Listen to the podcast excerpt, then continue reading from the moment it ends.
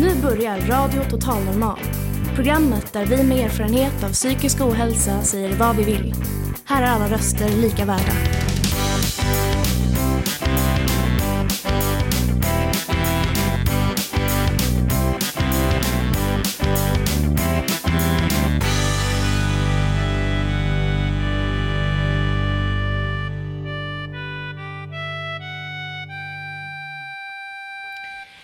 Och hjärtligt välkomna till Radio Total Normal, ditt psyke i etern. Ni hittar oss som vanligt på 101,1 MHz i Stockholms närradio. Idag sänder vi en poddspecial där ni kommer att få höra samtal om självstigma, medicinering, en personlig upplevd coronaberättelse och en del annat smått och gott. Hjärtligt välkommen till dagens program. Jag som talar heter Frida Gärdborn. Du får avfärda mig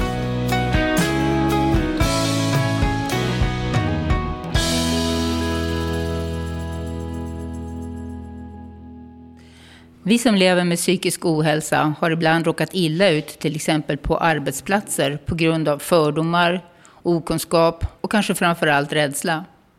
Det finns fortfarande ett stigma i samhället när det kommer till psykisk ohälsa. Detta stigma har man ofta även i sig själv. Och nu ska ni få höra ett samtal mellan Ulla-Britt, Frida, Kristina och Annie som belyser både självstigmat och stigmat ute i samhället. Mm, det, vi pratar lite grann om självstigma och stigma för överhuvudtaget och rädsla för den situation vi själva har hamnat i. Blir vi utanför våra kam vår kamratkrets? Eh, vad händer med oss och hur tänker vi och hur ska vi kunna förklara och vara med och, och känna oss som vanliga människor? Jag tänker att jag har nog levt hela mitt liv med ett automatiserat självstigma. Liksom just att stänga av hur jag mår och det som inte fungerar. För att inte jag har känt att det är accepterat att eh, ha de känslorna eller upplevelserna som jag haft av omgivningen. Eh, och att det spökar i mig än idag. Liksom att jag, jag måste verkligen grunda mig och alltså meditera för att komma in i att känna hur det är egentligen och att jag eh, kan känna mig väldigt trygg och öppen i vissa sammanhang och väldigt eh, att jag går i linje med det som jag ser förväntas av mig i andra situationer. Så det är svårt att komma över. Mm. Jag tänker arbetsplatser. Jag tänker arbetsplatser. Vad har chefen för syn på en människa som har en eh, som har, en, har varit med om en psykos? Och jag kan tala om att det har jag aldrig talat om för mina chefer. Jag har aldrig sagt det någonting eh, om, om, att jag har en diagnos. Det har jag aldrig sagt. Men, det, men det, det, när de fick reda på det så blev det en ände med förskräckelse. Mm, det faktiskt. Det. så att eh, det, det var hemskt att se att man kan, man kan eh, liksom inte lura sina chefer genom att tala om vem man är. Liksom. Men man är tvungen om man ska få jobba. Liksom och vara som, leva normalt liv. Ja, mitt senaste jobb hade jag också. Jag gick in utan att nämna mina diagnoser. Och sen blev jag sjukskriven av en annan fysisk anledning. Och då vågade jag fortfarande inte eh, tala om det som kanske låg bakom att jag hade blivit sjuk fysiskt. Alltså mental hälsa. Eh, alltså det var en jättestressfaktor för det var inte accepterat kände jag på den arbetsplatsen. Ja. Hur, hur, hur agerade de då? Alltså, det var i uh, offentlig verksamhet så finns det en regel att man inte, alltså när man lämnar in sjukintyget så behöver man bara visa sida ett, alltså, eller sida två hur det nu är, så man behöver inte berätta varför man är sjuk. Så då använde jag mig av det.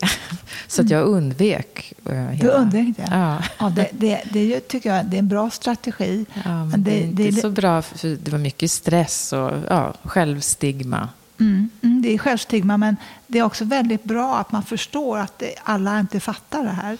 Mm. Och vill inte fatta och kan inte acceptera det när man mm. har en diagnos. Många är så rädda faktiskt. Mm. Många med chefspositioner och mm. som har hand om mycket människor borde få en kurs, tycker jag, mm. i hur människor som kan få en psykos, det är ganska vanligt att folk kan få mm. numera. Mm. Det har väl varit, varit länge, men att man inte ska vara så fullkomligt okunnig om sådana saker. Verkligen, jag håller med dig.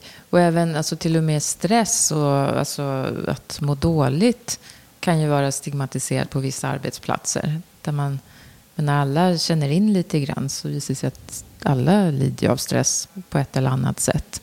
Men att det är så tabu att prata om på många ställen. Så att det, i det stora så behöver man ju... Vi behöver ju kunna berätta vilka vi är Ja, för att fungera. för Så att må det, bra. Ja. Och, och det gör man ju egentligen inte när man inte kan tala om vem man Nej. är. Det, det är det som är så konstigt. Ja. Eh, nej, jag har blivit väldigt besviken, men jag är glad att jag kunde jobba så länge i varje fall. ja. För att eh, den här chefen, hon, eh, det var så att min, min eh, far hade dött. Och jag hade gått igenom en separation precis då. Eh, och eh, det blev lite mycket för mig så jag fick en psykos. Och då blev jag lite utåtagerande på lektionen och då trodde de att jag skulle börja slå mina elever. alltså de fick, de fick för sig det. För jag, jag sa att jag det var ett ord som jag aldrig använt. Mitt vapen är min pekpinne, sa jag. Då trodde de att jag gick och slog, slog mina elever där. Ja, det var, måste ju vara det. Vad skulle de annars bli rädda för? De blev rädda. Och, och den, här, den här chefen, hon, hon, hon sa så här. Åh, nu faller pusslet på plats. plats. Nu hade hon sett mig lite hängig lite då och då. Det måste bero på att du har den här diagnosen. Och de hade fått reda på det för att, eh, för att eh, några år tidigare hade min mamma dött. Och då gick jag ner i arbetstid. Jag tänkte jag orkar inte längre nu. Jag, jag går ner i arbetstid. Jag struntar i alla eh, i lönen och sådär. Utan jag gick ner i arbetstid. Och, och då fick de ju se på pappret varför. Man kan inte bara gå ner i arbetstid hur som helst. Man måste ha en anledning. Ja. Och, då fick de, och då var jag tvungen att visa min diagnos. Och på något sätt fick, fick chefen reda på den. Ja. Och då blev hon livrädd. Och då blev jag förtidspensionär för att hon såg det. Hade jag, hade jag fått vila i två månader, det är ganska lång tid vi- förvisso, då hade jag kunnat jobba hela tiden ut. Så det, det, det är deras rädsla som gör mig till sjukpensionär, faktiskt. Ja, Ja. hemskt. Men Då hade jag inte så många år kvar att jobba förvisso. Jag hade jobbat sen jag var 16 till 2010, 2011 slutade jag jobba. Sånt hände mig. Just stigmatisering, den tycker jag är så... Det, det är så... När jag träffar nya människor, här går det bra. Vi, vi, har, vi har liknande, vi har alla någonting att dras med. Men eh, om jag träffar nya människor så, det, så, så kan man inte säga att jag har varit med om massa psykoser. Det, är ju, det, är liksom inte man, man, det tar ett tag, lång tid innan man kan säga en sån sak. Det gör det verkligen. Ja, men jag har fortfarande starkt stigma att prata om mina... Min huvuddiagnos är ju komplex posttraumatisk stress. Och det, alltså jag har ju sprungit på det här bara och varit duktig flicka större delen av mitt liv och bara pressat på och gått in i väggen och fortsatt liksom redan som tonåring och inte förstått någonting. Men eh, just eh, hållit det som... Ja, jag spelade normal. Ja, Eh, en så att man liksom bara kör på, kör på. Och det ledde till en ganska stor krasch. Så, Mm. så att till slut fick jag ju bara ta det. Och sen när jag fick lite kraft så sprang jag på igen och sen igen. Så Mm. det, det tog mig väldigt många år att liksom stanna upp på riktigt. Ehm, och mycket av ja, det blir ju självstigma men jag känner ju den från miljön utifrån. Och alltså folk jag känner och sådär som också, när ska du bli frisk? Eh, Mm. det då blir det ju ännu mera press och stress. Mm. Så jag håller med dig just om att vi behöver mer information överlag. Om hur- Framförallt vi själva. Liksom Ja. att att, eh, eh, att man, kan, man kan försöka bli trygg med sina vänner eller, och, och så. Och så att man kan eh, i varje fall nå, någon vän som man kan prata med på arbetsplatsen, någon arbetskamrat och sådär som, man kunde, som man kunde få mer kontakt med. Så det, det, det är ofta så att man får mer kontakt med några på arbetsplatsen och att man kan prata om detta. Men jag tror livet skulle vara mycket enklare för oss alla i hela samhället om vi lärde oss mer om våra kroppar och vilka vi är och hur våra nervsystem fungerar. För att när man vet det så förstår man lite mer hur folk, varför folk reagerar som de gör. Och, alltså, både stress och smärta och kanske även psykoser i viss mån.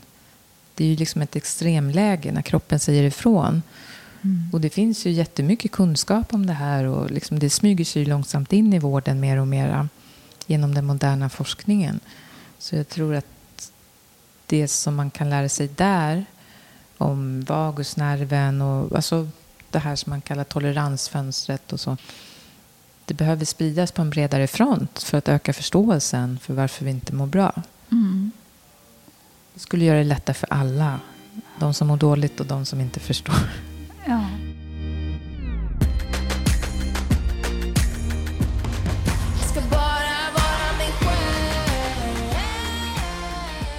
Vår radiomedlem Mark är en av dem som drabbas av corona. Nu ska ni få höra honom berätta hur det var. Jo, jag eh, känner mig hängig och, och trött och sliten och då så ringde jag till vårdcentralen och bad dem om och frågade om de kunde om man kunde göra ett coronatest. Och, eh, de föreslog att, att de skulle skicka en ambulans hem till mig då som skulle göra prover på mig. Och det kom en ambulans och de gjorde blodprov och blodtryck och eh, lite andra grejer. Och sen så frågade de om jag ville följa med till sjukhuset. Jag gjorde det för att jag tänkte att jag kan göra provet där. Fick vänta en lång tid innan jag fick göra det. Till slut kom de och gjorde det. Stoppade in en grej långt i näsan på mig. Jag rös, det kändes väldigt obehagligt. Och sen så sa de att det tar två timmar, sen kommer du få besked. Då. Så jag fick vänta två timmar. Och då kom de och sa att jag är positiv. Och då tänkte jag det är för att jag har mått så dåligt på sista tiden. Och sen kom det en läkare och sa, och då ville jag fråga, fråga jag naturligtvis, kommer jag att dö? Och då låg han och sa att de flesta som får corona i din ålder dör inte. Och han var ganska positiv till det och väldigt lugn och sådär och försökte få mig att slappna av. Och så fick jag vänta några timmar till och sen fick jag komma upp på sjunde våningen till ett rum. Och där kunde jag duscha varmt och äta middag och lunch. Jag fick vara där till nästa dag. Sova. Men där på sjukhuset sen på morgon, eh, på morgonen när jag vaknade nästa dag. det var Då jag mådde så dåligt som jag berättade. att eh, jag trodde att jag kommer att dö för att jag, jag var så mör i kroppen och slut och, och hade en obehaglig smak i munnen och bara låg och stirrade in i väggen och kände mig alldeles utpumpad och, och befarade, jag visste ju inte, men jag liksom befarade någonstans att det här kan vara slutet liksom. Men sen så kom en eh, överläkare och en till läkare på eftermiddagen och han var jättepositiv och glad och sa att jag hade haft väldigt bra alla tester de gjort hade varit jättebra resultat. Och han trodde inte att jag kommer att dö utan att allting kunde kommer att bli bra igen och att jag fick åka hem. Och så gjorde jag det och sen var jag liksom mör i kroppen i tio dagar och, och fick hosta till råga på allt. Fick en, en rethosta genom det här och då var jag tvungen att vara hemma två månader från jobbet för att bli av med den. Men mörheten den gick ut efter tio dagar, då var jag pigg igen. Och sen eh, smittan gick ut efter fem dagar. Det tog fem dagar. Sen kunde inte jag smitta någon längre. Och så kom de hem och köpte mat åt mig, handlade mat åt mig. Så jag hoppas inte jag får det igen. Jag såg på tv att det är någon stackare i Japan som fick det en andra gång. Åkte på det en andra gång. Och det vill inte jag. Så att jag har slutat åka buss för nöjes skull. Det brukade jag göra förr i tiden. Åka genom Stockholm med fyran. Den går från Östermalm till Söder. Till från Radiohuset till Gullmarsplan. Liksom, så man åker genom hela stan nästan en timme. Liksom. Men när du kände att du var rädd för att, att, att dö, så här, gjorde det att du började kanske ifrågasätta livet och så här, vad som är viktigt, att du fick sådana Nej, där... jag tänkte inte så mycket. Jag bara liksom undrade lite och, och befarade att det här kommer jag att dö. Liksom. Vad läskigt. Jag vill inte död, jag har inte levt mitt liv. Liksom. Min pappa är 91 och han har levt sitt liv. Men jag är bara 56 liksom. Jag har fortfarande tid kvar. Så att jag tänkte inte så mycket börja fundera på filosofiska frågor och så vad som är viktigt i livet för att, för att förbereda mig på det värsta. Utan jag bara liksom undrade och hoppades att det inte skulle bli så. Liksom. Men jag befarade det. För plötsligt var jag så jäkla mör i kroppen. Och så hade jag den här obehagliga smaken i munnen. Det var liksom smaken av corona, smittan liksom. Och, och jag bara, låg bara och glodde in i väggen och tänkte att nu, jag orkar inte längre. Det, det kanske blir att jag dör liksom. Men det så blev det inte. Ja, det var en himla tur.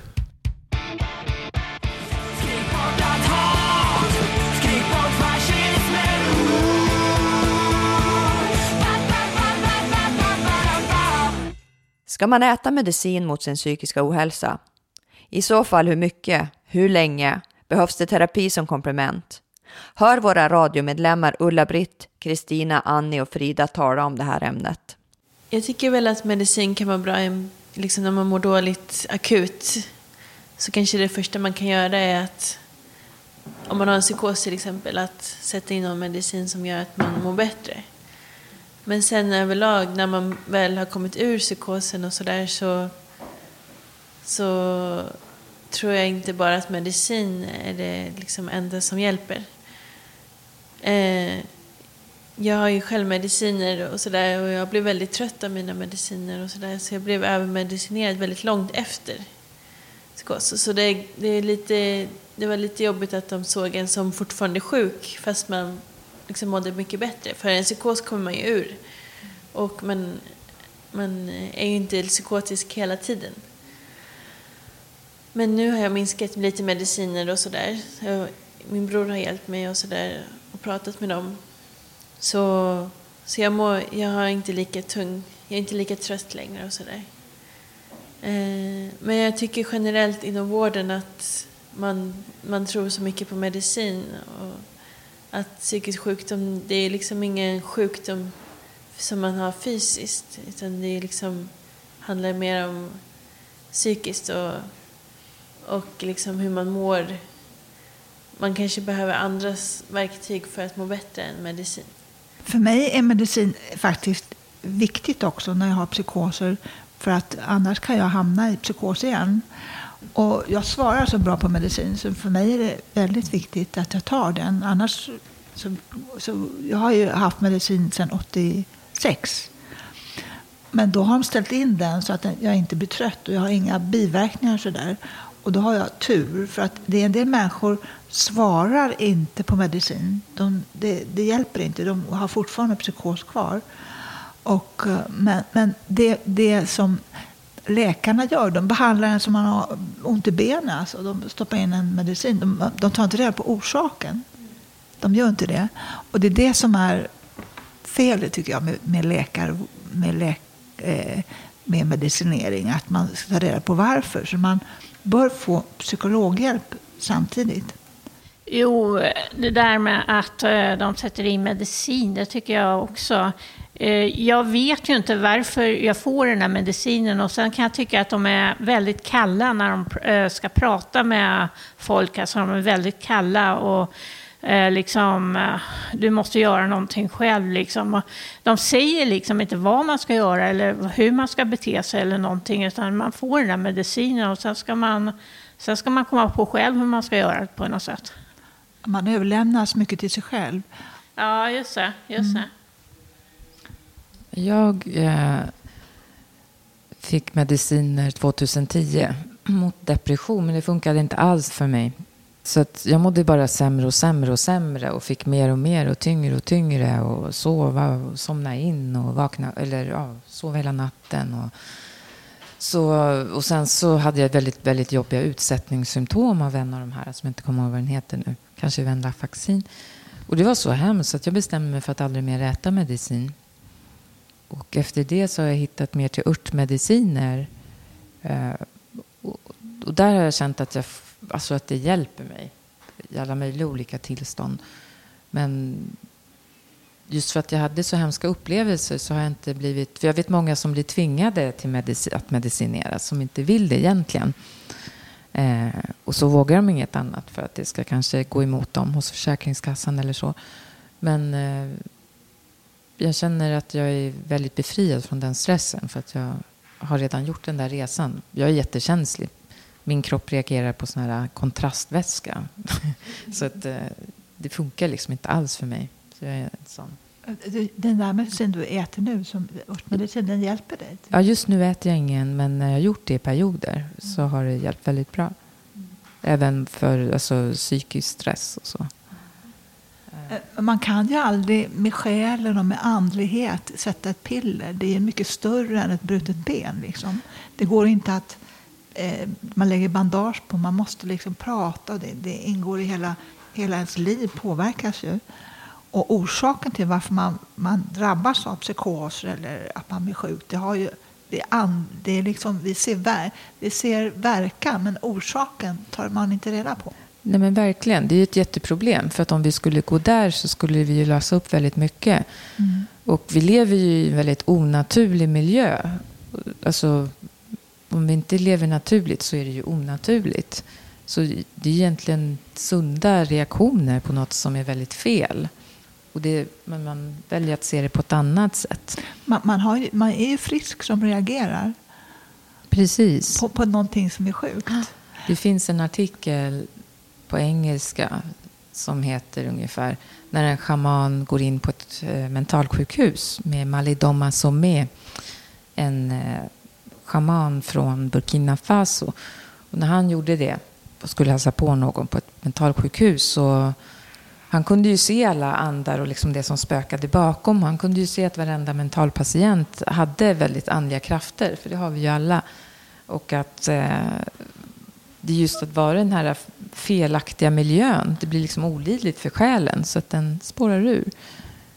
Så om vi hade mera, och förr i tiden så byggde man ju så här hosp, eller så, sjukhus och så i naturmiljöer. Och det är också vetenskapligt eh, forskat och visat att man återhämtar sig mycket mera om man har en utsikt mot naturen. Till och med om man har en bild på natur så återhämtar man sig snabbare om man till exempel har en abstrakt målning.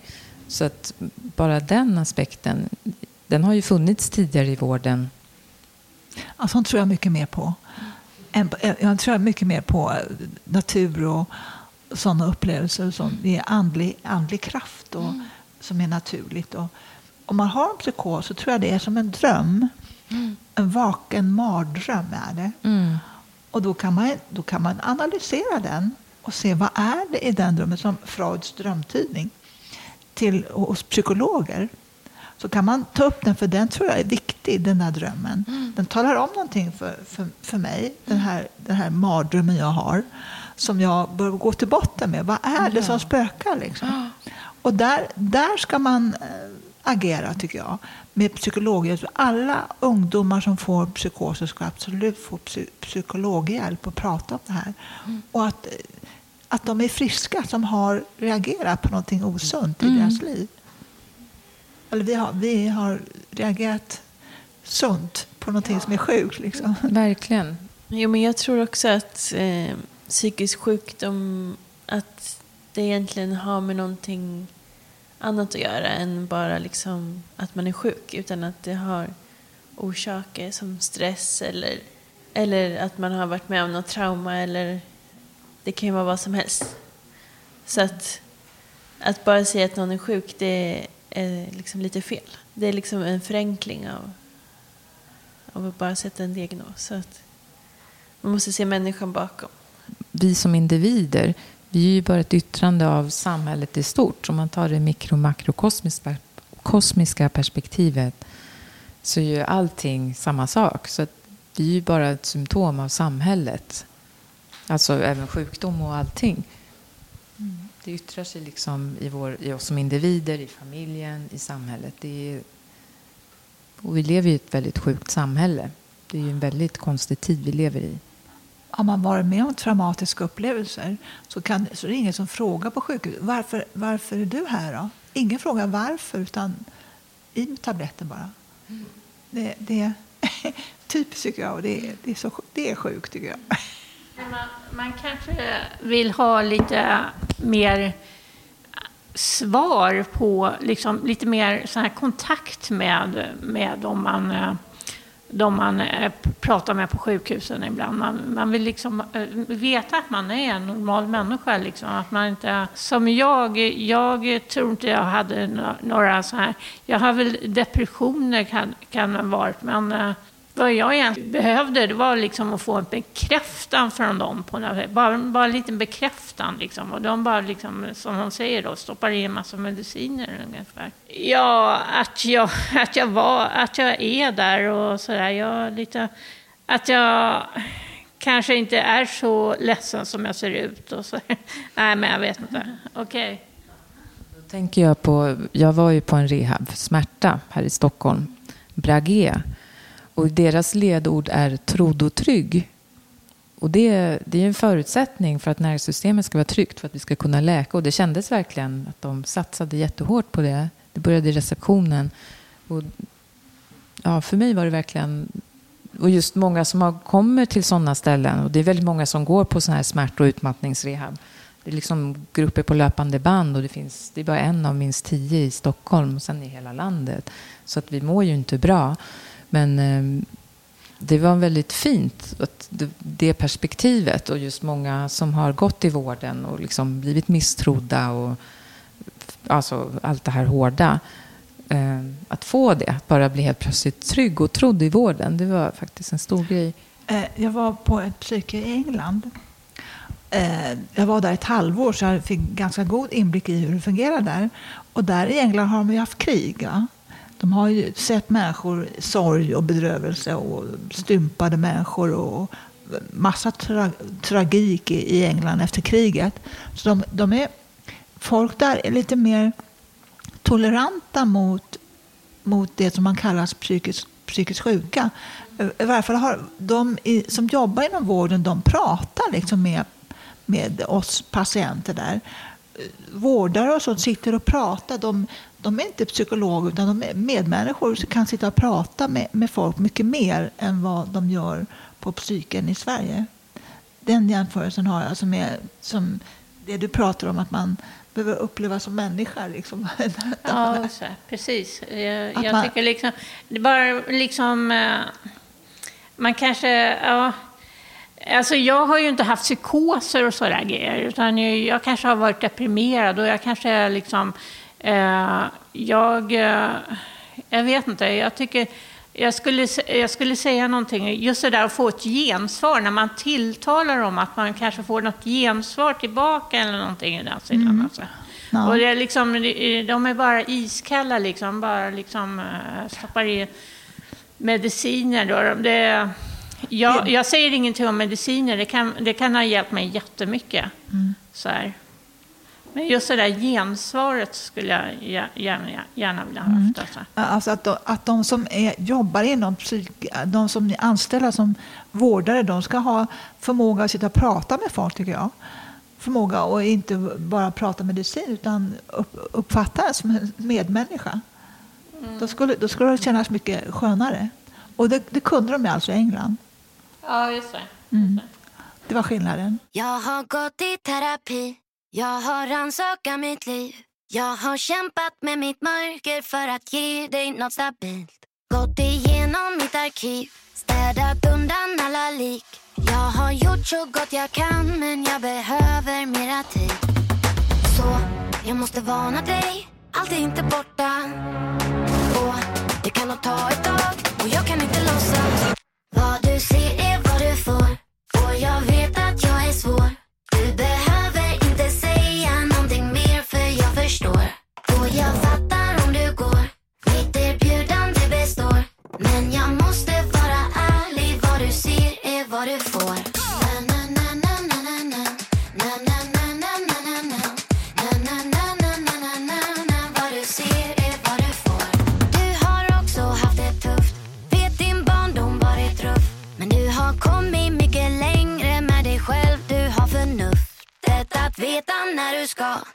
Skippa skriket, prata bra. Och jag kommer nog att lära mig men det kan ta ett tag.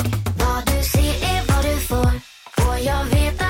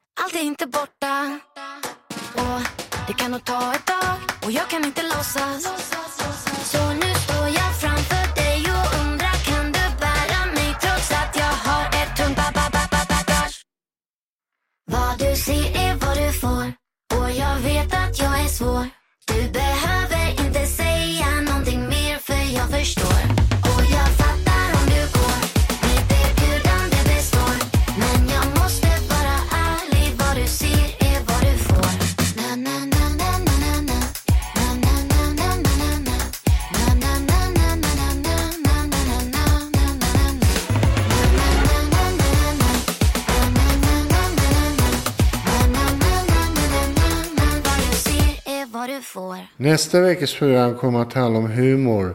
Men vi tjuvstartar redan nu med att ställa frågan, kan man skämta om allt? Ja, i princip tycker jag det.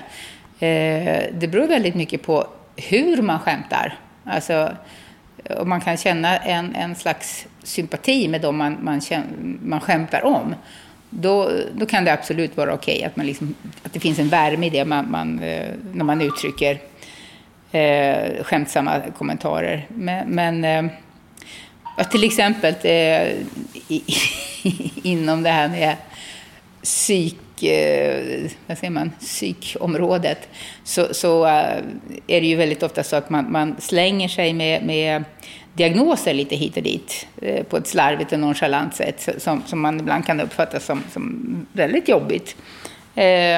Jag menar till exempel det här med att man känner sig skitsig eller skissad.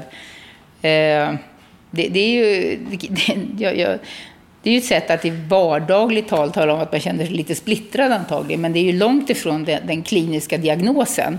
Eh, det är inte så att man hör röster och, och har schizofrena drag. Eh, men ofta är det väl så att man, man eh, har gjort någon, någon liten omskrivning av, av det här, Eh, den kliniska diagnosen för att den ska få en annan klang helt och hållet i ett vardagligt språk. Man säger skitsig, skitsad, men man säger inte jag känner mig schizofren. Eh, och många blir ju väldigt deppiga liksom, på eftermiddagen eller någonting sånt. Men man säger inte att man blev deprimerad på eftermiddagen. Så att någonstans så brukar man ju ändå kanske kunna förstå skillnaden Eh, när man har liksom gjort om det i vardagsspråk. Jag kan erkänna att jag själv använder de orden. Nere säger jag nog. Jag, känner, jag säger nog inte deppig, för jag, jag, har, jag har träffat deprimerade människor så att jag, jag vet att det, det är liksom inte riktigt där jag har varit på botten. Eh, men skitsig kan jag nog bli ibland, sådär. Det får jag erkänna. Ja, men sen har vi ju det här med ångest också. Det har ju alla haft tydligen, eh, lite då och då. Eh, och den som eh, verkligen har haft ångest, eller panikångest för att nu tala ångest, den vet att det, ångest det, det, det är någonting helt annat än det man känner över att man har missat bussen eller inte kommer i tid till ett möte eller någonting sånt. Eh, jag vet inte riktigt varför det har blivit så populärt att använda de här orden, men, men det, det, man, det, det är väl sammanhanget återigen som får avgöra liksom hur, hur pass allvarligt det är. Men, men många kan ju ta illa upp, tror jag, av att man använder de här eh, diagnoserna på ett kliniskt sätt som inte alls överensstämmer med hur det egentligen är. Eh, särskilt för den som kanske har schizofreni eller verkligen är deprimerad eller verkligen har ångest och få höra liksom, var och varannan människa snacka om att de också har det och, och inse att de fattar inte ett smack om vad det egentligen handlar om. Ja, jag tror att många inte är så insatta i diagnoser egentligen, utan bara tänker att det är ett skämt och, och sådär, och eh, ett uttryck för hur de känner i stunden. Så jag tror det är lite så här okunskap egentligen. Så man kanske ska ta det med en nypa salt, men det kan vara lite svårt om man, om man själv har den diagnosen eller, eller har någon anhörig med den diagnosen. Så kan det bli lite allvarligt liksom. Jag tycker inte heller man kan skämta om allt. Inte, ah, jag vet inte vad jag ska säga. Nej, men jag tycker inte man ska skämta om allting. Inte folk som har det svårt och tufft som jag har det tufft i samhället. Jag tycker man kan sparka uppåt men inte neråt. Om man skämtar om överheten och så kan man göra, men inte de som har det tufft. Och, ja, inte, man kan sparka upp men inte ner. Men någon som jag tycker kan vara, kan vara väldigt bra på det här att eh, få oss att skratta eh, åt våra svagheter, våra dumheter och, och tillkortakommanden, eh, det är faktiskt Jonas Gardell. Eh, för han får, får en att känna sig, att man känner igen sig. Alltså det finns en, en igenkänningsfaktor, ja men så där är ju jag också. Och det är okej. Okay. Så då går det att skratta åt det, både på scen och den som sitter och lyssnar på det. Det, det är väldigt skönt att få skratta åt sig själv och sina egna tillkortakommanden. Det är bra humor. det håller jag med om också. Jag tycker också att det är just det där att man skrattar åt att man är själv avsändaren, att man tar på sig hundhuvudet, grisnäsan och allting själv och, och, och, så skämtar man utifrån sig själv om saker. Så då, då, blir det, då är man rätt avsändare mot för om man inte är kanske grundad i det man säger, att man står bara har skrivit något skämt och så här, det är då, jag tror att alltid så har man en grund i sig själv i allting. Och jag tror ganska många också komiker som man tycker bra ofta har genomlevt mycket smärta och så här, äh, för att annars kan man skämta, alltså ofta finns det någon edge på skämten att det berör någonting djupare som kanske är tragiskt och det, då måste man balansera också på den här linan mellan det som är så att det inte bara blir tragiskt utan att man humor, ser humorn i det också så där så att det är en svår balansgång men det är väldigt härligt när man kan skratta åt de brister man har själv och som andra har och känna igen sig i varandra och så där. Det blir väldigt avväpnande. Så humor är bra. Ja, men det där har vi pratat om flera gånger, att man kan skratta åt eländet liksom. Eh, svart humor och att man kan göra, se det komiska fast det kanske just för stunden var jävligt tragiskt. Men sen, ja, allt tycker jag ändå inte man kan göra skämt av. Jag älskar Bettner, Magnus Bettner, jag tycker han är skitrolig. Men när det går till barn, där går gränsen för mig. Och det här med pedofili och sådana grejer, jag tycker inte det hör hemma i humor, humorvärlden. Ja, men det, det, håller jag verkligen med om. Alltså, barn är ju försvarslösa. De kan, de kan ju inte försvara sig på, på något vis som vi vuxna kan göra. Och, och har ju inte en chans att förstå de där nyanserna. För det, det är ju så hårfint att den ramlar rätt. Eh, någon, eh, ett skämt som var som är fortfarande väl, väldigt hårfint, som jag själv hade jätteroligt åt, men som jag vet att inte alla hade det. Det var ju när han, eh, det är bögarnas fel, ja, vad är det han heter? Eh, Dorsin, Henrik Dorsin heter han, ja. Och den var ju som man satt i halsen från början. Eh, och sen så när man fattar att det är ju alla vi andra som sitter med fördomar mot bögar som, som han egentligen lämnar ut och skrattar åt. Och när man fattar den poängen, då blir den ju vansinnigt rolig. Men alla tog inte hem den poängen, så att den blev ju svår för vissa. Eh, så det, det, var, det var en hårfin, alltså det, men hittar man den där knivskarpa gränsen och, och bollen rullar i mål, då är det riktigt roligt alltså.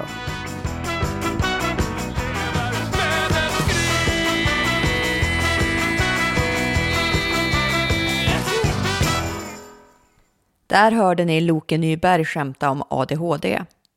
Nu ska ni få höra ett litet kort från fontänhuset i Sköndal där Gustav och Ivar har varit och gjort en liten intervju om hönsen som de har där.